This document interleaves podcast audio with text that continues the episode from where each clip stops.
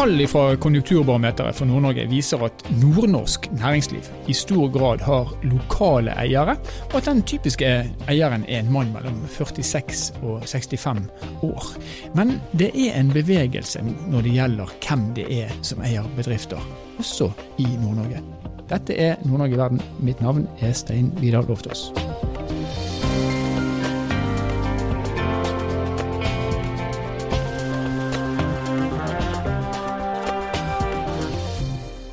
Mens det er et ganske tradisjonelt eh, mønster i Nord-Norge, mange private eiere, men eh, mange menn, mange godt voksne menn, så viser eh, nye statistikker at når det gjelder hvem som investerer via børsen, så er det en betydelig bevegelse. Det er flere kvinner, og det er flere unge. Og Nå skal vi høre fra Kristin Skaug, som er daglig leder i stiftelsen Aksje Norge, om akkurat dette. Og velkommen til oss, Kristin. Takk, og takk for invitasjonen. Ja, Gleden er helt og holden på vår side. Du, er, Aller først, Aksje Norge, stiftelsen Aksje Norge. Hva er det for noe? Ja, Aksje Norge er faktisk en gammel stiftelse fra 1993. Vi er en ikke-kommersiell stiftelse, så det betyr at vi, vi har ikke noen produkter eller tjenester vi selger. Men vi har som mandat å øke kunnskapen til folk flest eh, om aksjer og verdipapirer, sånn at vi kan ta gode beslutninger for sparingen vår. Ja, og det vi vet nå, det er at uh, sparing det, Noen sier at det er blitt en megatrend, og noen peker på at det er pandemien som gjør det, man har fått mer penger mellom hendene. Men nye tall som dere har, viser at antallet nordmenn som velger å kjøpe aksjer, det øker veldig. Fortell. Ja, Vi lager en statistikk hvert eneste kvartal. Over, uh, vi teller opp hvor mange nordmenn som sparer og investerer i aksjer, og hvor, hvor mye de investerer for. Og dette har vi sortert eh, på kjønn og på alder og regioner i over 20 år. Og i 2018 så begynte vi å se noen tendenser til at stadig flere begynte å investere. 2019 så fikk vi et rekordår. Men jeg skal love deg, med pandemien så har vi sett en vanvittig vekst i antall nye aksjonærer. Og det ser vi nå også med de ferskeste tallene for første kvartal hittil i 2021. At nå har ytterligere 38 000 nye nordmenn begynte å spare i aksjer på Oslo Børs. Altså 38 000 som ikke har gjort dette før, de har nå investert i aksjer. Helt vet vi hvem de er? Ja, vi vet at eh, de er um, unge. Veldig mange av de, over 70% er under 40 år. Over halvparten eh, er egentlig under 30. Så vi vet at tenk deg, nesten 15 000 av de nye aksjonærene dette kvartalet er under 30 år gamle. Hva, men hva kommer det av? Ja, Det er litt sånn usikkert hva det er, men det er nok en kombinasjon av mange forskjellige faktorer. Én ting er at det skrives mye om det i media, og du kan lese om det i sosiale medier, og det diskuteres mye. Men mange sier også at de har fått mye bedre tid gjennom pandemien. Og hvis du ser på denne unge aldersgruppen, så er det veldig mange studenter og de har jo plutselig ikke lenger disse faste møteplassene sine på høyskolene sine eller universitetene. Og de har, har, ikke forelesninger hele uken, så de har plutselig fått veldig mye mer egentid som de ikke hadde før. Og jeg tror ganske sikkert at mange av de bruker denne tiden på børsen. Mm. Men de unge menneskene som studerer, som du peker på, jeg vil tenke at ofte så, eh, så er ikke dette de mest bemidlede. Vet vi noe om hva det er slags penger de bruker på, på å kjøpe aksjer? Ja, altså, eh, Vi vet jo ikke eksakt hvilke penger de bruker, men vi vet at uh, unge investerer jo selvsagt for betydelig lavere beløp enn eldre. Så for å se store volum på investeringene, da må du se på de som er over 50 år. Men de unge har jo, i hvert fall slik jeg har forstått det, veldig mange av de har jo flyttet hjem igjen under pandemien og ikke leid seg noen bolig i det året som har vært. Og da har de kanskje spart en del midler, og det har vi også kunnet lese flere steder, hvor de har da plutselig hatt bedre råd og brukt disse pengene på å spare. Ja. Og Det er vel kanskje også slik at uh, etter hvert som uh, utestedene har stengt ned, så er det, det er rett og slett mindre ting å bruke penger på? Ja, Det er vel litt bare å tenke tilbake til sin egen studietid, hvor pengene rant ut. Det var vel til både først og fremst skolen og skolebøker, husleie, og så var det vel, som du sier, uh, det sosiale, og det, det, er jo helt borte nå, og det kommer jo tilbake. Men det blir da superinteressant da, å se om uh, spareiveren fortsetter når vi åpner opp. Mm. Ja, Det blir spennende. Men vet vi noe om eh, altså De kjøper aksjer. Er det, er det, gjennom å handle fond, eller går de rett på, på Oslo Børs og, og kjøper aksjen i enkeltselskaper? Vet vi hvor de bruker pengene? Ja, altså det vi ser på den statistikken jeg sitter med akkurat nå, så er det eh, aksjestatistikk. Altså det betyr folk som investerer direkte på børsen. Og der har vi nå passert en halv million nordmenn som investerer på børs. Eh, og tidligere år så har dette ligget stort sett på 300 000 nordmenn, så du kan si at det er kommet ekstremt mange de siste par årene. Men vi ser også en kraftig vekst i de som investerer og sparer gjennom tradisjonelle fond.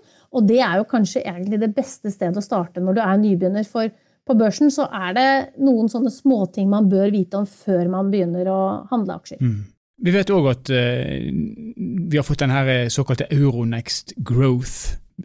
Si, børsen ved siden av børsen. Eh, hva, hva, kan du si om det, og, mm. og, og viljen og, til, til, å, kjøpe og handle der? Ja, vi ser jo Først og fremst så er det jo fortsatt slik at uh, de fleste velger å investere i aksjene som er notert på hovedlisten. Altså disse hva skal vi kalle det, gamle eller tradisjonelle, disse selskapene som har vært der en god stund, og som har mye historikk å vise til. Men det er veldig interessant for mange å gå inn i disse vekstaksjene, disse nye selskapene på Euronex Growth. Og du kan si at den markedsplassen har jo på en måte tilgjengeliggjort også muligheten til å kunne gå inn i selskapet på en litt tidligere fase enn hva det var tidligere. Da. Så det har jo vært en eh, positiv mulighet. Men så er det også noen utfordringer knyttet til det. For dette er jo selskaper som også er i en vekstfase hvor det kanskje det tar litt lengre tid før man ser eh, en stabil inntjening over tid. Ja, Men hvis inntjeningen kommer, så får du kanskje med deg en større, en større vekst, kanskje? Ja, og det er sånn utfordrende, da. Og, og, det å plukke vinneraksjer, for det er jo det mange gjør. Vi ser jo fortsatt så er det sånn at de fleste som begynner å investere i aksjer, de velger seg et veldig lite antall med aksjer, og de er som regel også veldig like. Så, så det generelle rådet alle i finansnæringen sier, er jo at pass på å spre risikoen din på mange forskjellige aksjer, for da får du lavere risiko i spareporteføljen din, og det ser vi jo at der synder jo nordmenn eh, stort. Ja, man velger seg en eller bare et par aksjer istedenfor. Ja, man satser på at eh, det er den aksjen som skal gjøre deg rik. Og så vet jeg også at uh, når jeg snakker med folk gjennom sosiale medier og på telefonen, så er det jo mange som velger seg litt sånne spennende eller jojo-aksjer fordi fordi de syns det er gøy å følge med på, ikke nødvendigvis fordi de tror de blir rike heller. Så det er, det er liksom blandede årsaker til at de gjør dette. En annen ting som, eh, som, slår meg, det er at vi har over tid nå snakka om eh, dette her med å ta styring på din egen eh, eh, pensjon. Altså det at du kanskje vil få en lavere utbetaling fra det som arbeidsgiveren har spart, og det som staten støtter opp eh, om når du, når du, endelig går om pensjon. Tror du det har vært med på å påvirke at flere nå sparer i, i aksjer? Helt klart. Det er som jeg sier, det er mange årsaker til at man har begynt å spare. Mange unge er nok blitt litt presset til det med strengere boliglånsforskrift. Og at de må da spare mye mer til egenkapital. Og denne, det fordrer at de velger alternativer som gjør at sparepengene vokser litt raskere. Eh, og litt mer enn hva de gjør på en konto. Og så ser vi at det å spare til egen pensjon det er jo noe som har vært diskutert og snakket mye om de siste årene. Men nå har det jo blitt enda enklere. for i år så kom jo egen pensjonskonto for alle som jobber innenfor privat eh, næringsliv, og det er jo 1,5 million nordmenn. Og her er det jo faktisk sånn at de valgene vi som privatpersoner gjør for den pensjonsordningen der, da, hvordan det spares der, det vil jo være veldig avgjørende for hvordan din pensjon utvikler seg. Hvor mye penger du faktisk får i fremtiden. Så Én ting er liksom hva arbeidsgiveren din betaler i hver måned, men det er også hvordan du forvalter denne sparingen. Du, du, du sier at 500 000 nordmenn godt og vel eier nå aksjer eh, på Oslo Børs. Vet vi noe om Nord-Norge i det tallet der? Eh, vet vi hvor mange det er av disse 500 000 som er faktisk hjemmehørende i Nordland og Troms og Finnmark? Ja, når jeg sjekket tallene nå i sted, så ser jeg at det er rundt 35 000 eh, i nord som eh, er aksjonærer. Så i snitt, da, i forhold til resten av befolkningen, så er det litt lavere andel som investerer i aksjer. Men det er jo ikke nødvendigvis negativt, for det kan jo være at de er flinkere til å spare i fond, som gir deg en bedre risikospredning. Har du noen slags eh, teori om hva som gjør at det er regionale forskjeller?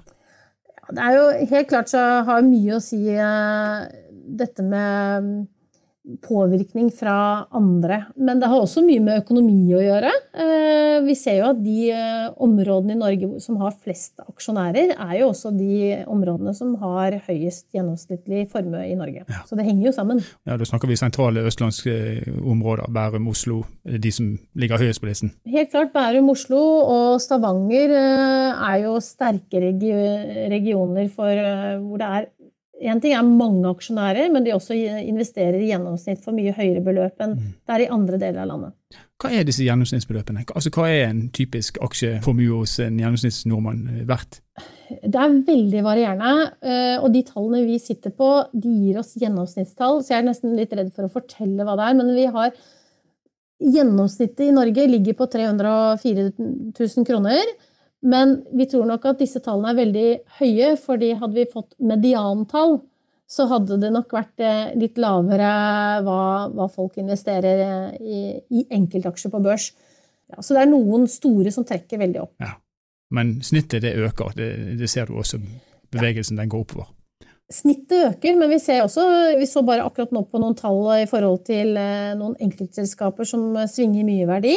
Og en aksje som har vært uh, veldig populær, uten at det verken er en anbefaling fra meg eller noe, men bare sånn observasjon, er jo Norwegian, som har uh, over 60 000 private Og når vi begynner å se på hvem uh, disse aksjonærene er, og hvor mye de har investert for, og hvis man er veldig bekymret, da så er det jo ikke slik at man har investert gård av grunn. Vi ser at eh, på de som er under 30 eh, år, så har de i gjennomsnitt investert for rundt et eh, par tusen kroner. Så det er jo ikke sånn at man har tatt hele studielånet Nei. inn i én aksje. Det er jo litt betryggende òg. Ja. et helt, et, ikke et helt annet tema, men et litt annet tema, det er det som omhandler kjønn. Og jeg vet at dere i Aksje Norge har vært opptatt av å få flere kvinner til å bli aksjeeiere. Hvorfor er det viktig at man tenker slik? Ja, først og fremst har det vært sånn tradisjonelt at det er mannen som er uh, husholdningens finanssjef og økonomisjef. Og det er han som har stått for alle investeringene og sparingen. Men så er det jo ikke sånn at vi lever på samme måten som vi gjorde for kanskje 20-30 år siden. Vi etablerer oss senere. Vi, vi har gjerne et uh, forhold både én og to uh, og tre forhold, og med barn fra ulike forhold. Og det stiller også krav til en mye mer hva skal vi si, individuell økonomisk eh, frihet. Og Derfor er det viktig at også kvinner er med og får ta, eh, på en måte spare og investere sine egne penger på en litt klokere måte. Eller i hvert fall gi dem muligheten til å vokse mer enn hva de gjør på sparekonto. Og så andre er jo at eh, det er viktig at vi snakker med døtrene våre også, syns jeg. Det er typisk at vi snakker med gutta om sparing når de kanskje konfirmerer seg og får penger, mens jentene som får bunad og stæsj, de blir ikke så mye snakk om penger med. Ja, nå eh, traff du meg litt. Jeg har to døtre, og de fikk begge bunader i konfirmasjonsgave. Jeg ser jeg har en samtale jeg må, jeg må ta igjen der. Men dere har, som, altså, under denne her satsingen da, liksom på, på, på flere kvinnelige aksjeeiere, så har dere bl.a. etablert en egen Facebook-gruppe som heter Aksjejentene. Og Den har nå passert 25 000 eh, medlemmer. Hva er ideen med den gruppen? Tanken med den var jo egentlig litt eh, for å skape oppmerksomhet om aksjer og verdipapirer. Og lage en trygg og tilgjengelig plattform for eh, kvinner å kunne stille spørsmål. Eh, spørsmål som ofte kanskje ble oppfattet som litt enkle eller dumme andre steder. Og selv så har jeg jo vært i denne bransjen i over 20 år og invitert til aksjeseminarer, eller markedsseminarer som vi kalte dem, hvor både damer og menn var invitert. Men ofte de damene som kom, de var ofte gift med den mannen som eh, deltok. Eh, og, og da var kvinneandelen rundt 10% Så arrangerte vi et kvinnearrangement eh, med akkurat samme temaer som vi ville hatt på et vanlig arrangement. Og det ble jo fullt hus, og tenkte at vi må ha et sted hvor vi kan diskutere sparing og investering for kvinner uten å få mange rare kommentarer og spørsmål som vi ofte ser i litt større grupper, hvor det er både menn og kvinner. Så det er ikke noe sånn kvinnesaksgreie eller likestillingsgreie, men det er rett og slett for å prøve å skape en, en trygg og tilgjengelig plattform. Og til de av dere som hører på denne podkasten og er kvinner, så er også aksjejentene noe man kan melde seg inn i og, og, lære mer om aksjer. Og det er helt ufarlig og kostnadsfritt å være der. Det var dagens reklame. 500 000 aksjeeiere via børs, hvor mange av de er jenter i dag? Det er rundt 100, eh, ja, oppimot 140 000 kvinner. Det er jo spesielt de unge som vokser i antall. Det er jo veldig eh, gøy å se. Og jeg tror mye av det handler om at eh, de er blitt flinkere til å diskutere og prate med hverandre og, og spare med hverandre. Eh, noe som kall det min generasjon, mødregenerasjonen, ikke har gjort så mye av. Og så ser jeg jo da at dette igjen har jo påvirkning på deres mødre igjen, som nå også er litt tregere inn i aksjemarkedet. Men det så vi på fjoråret. at det var gjerne de yngre kvinnene som kom inn i starten av året, og så kom de eldre litt på slutten av året. Mm. Så den veksten i alle disse nye aksjeeierne, eh, hvordan er fordelingen der? Hvis vi sier at den tradisjonelt har vært kanskje en 80-20-fordeling, ser dere en, en annen, eh, et annet forhold der nå? Ja, for det er jo fortsatt slik at det er flest menn som investerer i aksjer. Og med den veksten vi har hatt det siste året, og hittil i år også, så er det flere menn enn kvinner som investerer. Men dette forholdstallet i andelen med kvinner og menn, det holder seg sånn noenlunde stabilt. Men, men, det er et litt sånn skjørt bilde, tenker jeg. Fordi det er fortsatt slik at aksjer er mye mer stuerent blant gutta å investere i. De tør litt mer enn det vi jentene gjør. Ser du noe forskjell i hvordan man, man kjøper aksjer, ut ifra om man er kvinne eller mann? Ja, Vi kan trekke ut noen veldig forenklede konklusjoner. Og så sier vi at uh, kvinner har en mindre tendens til å velge uh, hva skal vi si, jojo-aksjer, altså aksjer som svinger mye verdi fra dag til dag, som er gjerne litt, uh, litt de, de, velger ofte også litt mer de tryggere selskapene, altså selskaper som har holdt på en god stund, som har litt mer forutsigbar fremtid. Vi ser jo at kvinneandelen er mye lavere Eh, blant eh, de som investerer på Euronex Growth, som er denne vekstmarkedsplassen. Så, men, eh, vi ser en liten økning der, men det er fortsatt sånn at menn har en tendens til å være redd for å gå glipp av en potensiell avkastning, mens kvinner er kanskje litt mer redd for å måtte ta et tap. Og det hemmer jo litt denne utviklingen. Noen ting endrer seg altså ikke. Nei. Tusen takk for at du kunne være med oss, Kristin Skaug, daglig leder i Stiftelsen Aksje Norge. Takk selv.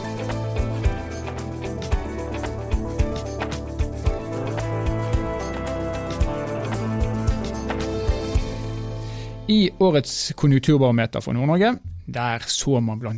på hvem er det som eier de private bedriftene i Nord-Norge. Nå skal vi få høre litt mer om det fra en av forskerne bak rapporten, nemlig Signe Kilskar. Og velkommen til oss igjen, får jeg si. Signe, du har vært med før. Ja, tusen takk. Artig å være tilbake. Du, I dette her konjunkturbarometeret så har dere gjort ganske grundige analyser i aksjonærregisteret og sett på hvem det er som eier de private selskapene som har sin hovedvirksomhet i Nord-Norge. Hva, hva, er hovedfunnene? Jo, Et av, av, hovedfunnene fra den analysen det er jo det at vi har en stor andel lokalt eierskap.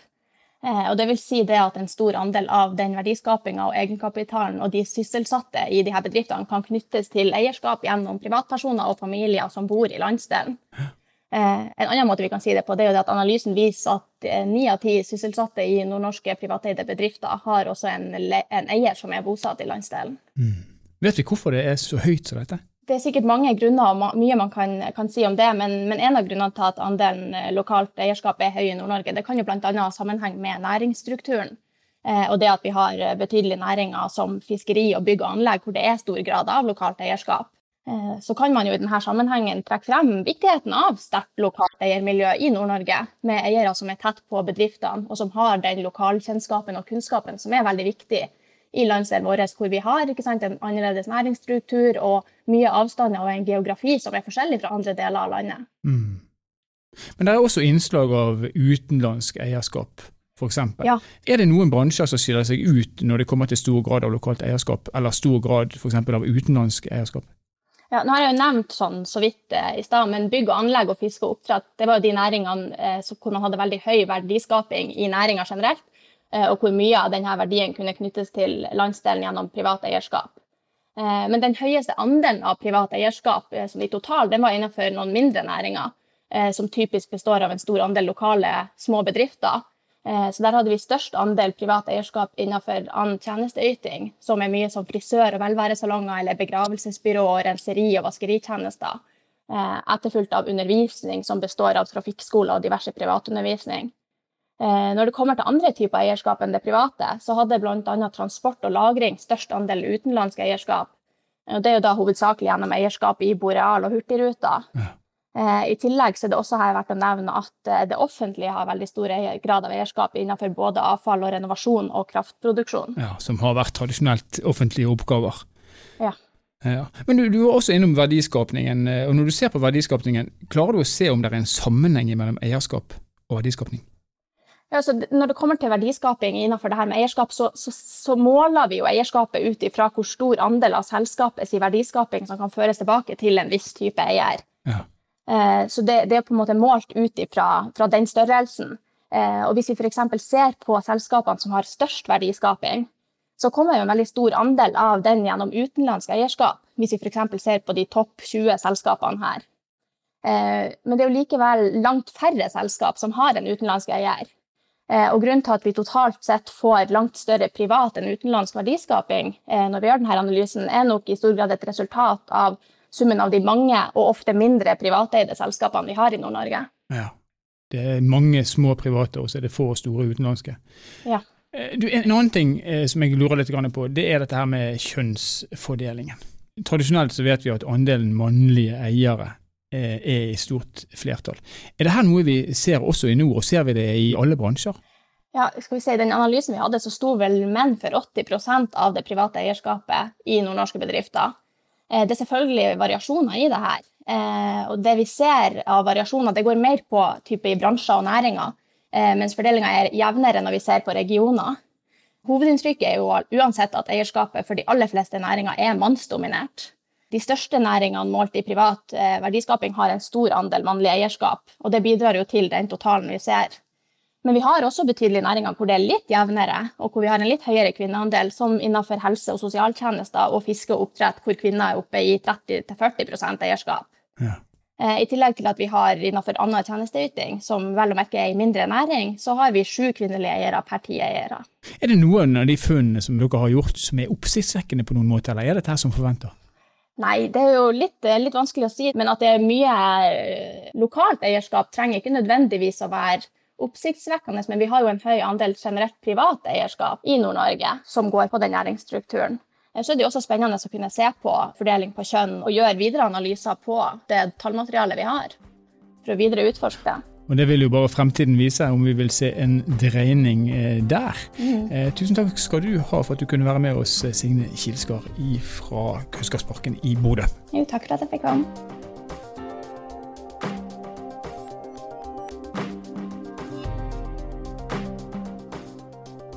Så flere sparer. Flere sparer gjennom å være medeiere i selskaper. Dette her ser vi nå gjelder fra de nesten aller yngste helt opp til de aller eldste. Og vi ser òg at kvinnene etter hvert også kommer betydelig mer med i dette bildet. Og det er bra. Og så vet vi samtidig at i Nord-Norge der er det en vesentlig grad av ganske små selskaper. De verken er eller kommer til å bli notert via børsen. Og kanskje vil mønsteret, altså hvem som eier de, ikke endre seg, sånn som vi ser eh, eiersitsen på andre selskaper. Men dette her vil jo bare fremtiden vise. Det som uansett er positivt med det nordnorske næringslivet, er at vi har en høy grad av lokale eiere. Det kan vi tro er eiere som eh, er der eh, for the long haul, som de sier på, på engelsk.